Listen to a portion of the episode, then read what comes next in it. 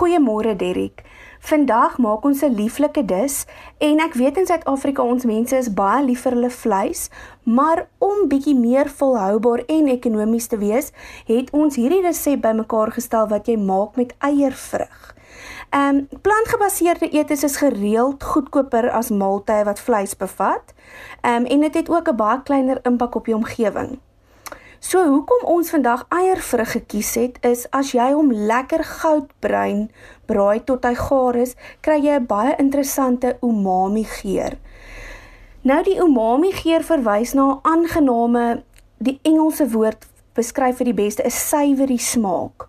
Ehm um, en dit word gereeld beskryf as 'n kenmerk van gaar vleis.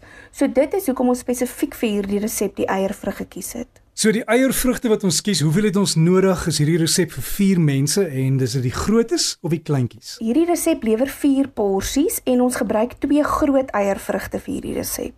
Bestanddele wat ons vir vandag nodig het is jou 2 groot eiervrugte in 1 cm skywe gesny. Geskil of ongeskil? Ongeskil.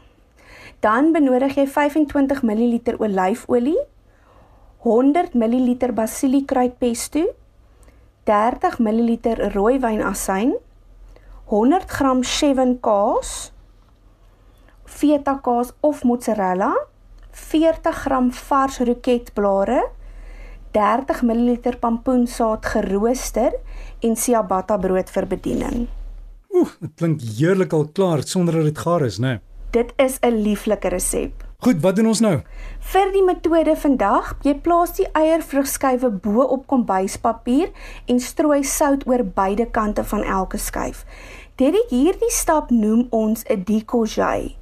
Dit is waar jy sout op die eiervrug sprinkel en hom toelaat om so bietjie dit lyk amper asof hy vog uitstoot. Dit trek net daai ekstra bittersappe uit die vrug uit. Daarna laat rus jy dit vir ongeveer so 10 minute. Dan spoel jy elke skyf af met koue water en maak dit deeglik droog. Mm -hmm. Jy verf dan die eiervrugskywe met die olyfolie aan beide kante. Braai dit op 'n roosterplaat totdat die eiervrug sag en gaar is. Plaas die eiervrug op kombuispapier om te dreineer. Jy meng dan die basiliekruidpesto en die rooiwyn asyn saam. Wanneer al jou bestanddele gereed is, stapel jy die eiervrug pesto, chevin kaas en roketblare om die beet bo op mekaar. Daarna strooi jy die pampoensaad bo oor die stapels. Hierdie dis is ook lieflik saam met vars geroosterde ciabatta brood. Andre en wat julle ook doen en baie dankie daarvoor is julle verskaf ons met fotos soos julle die resep toets en die kos maak.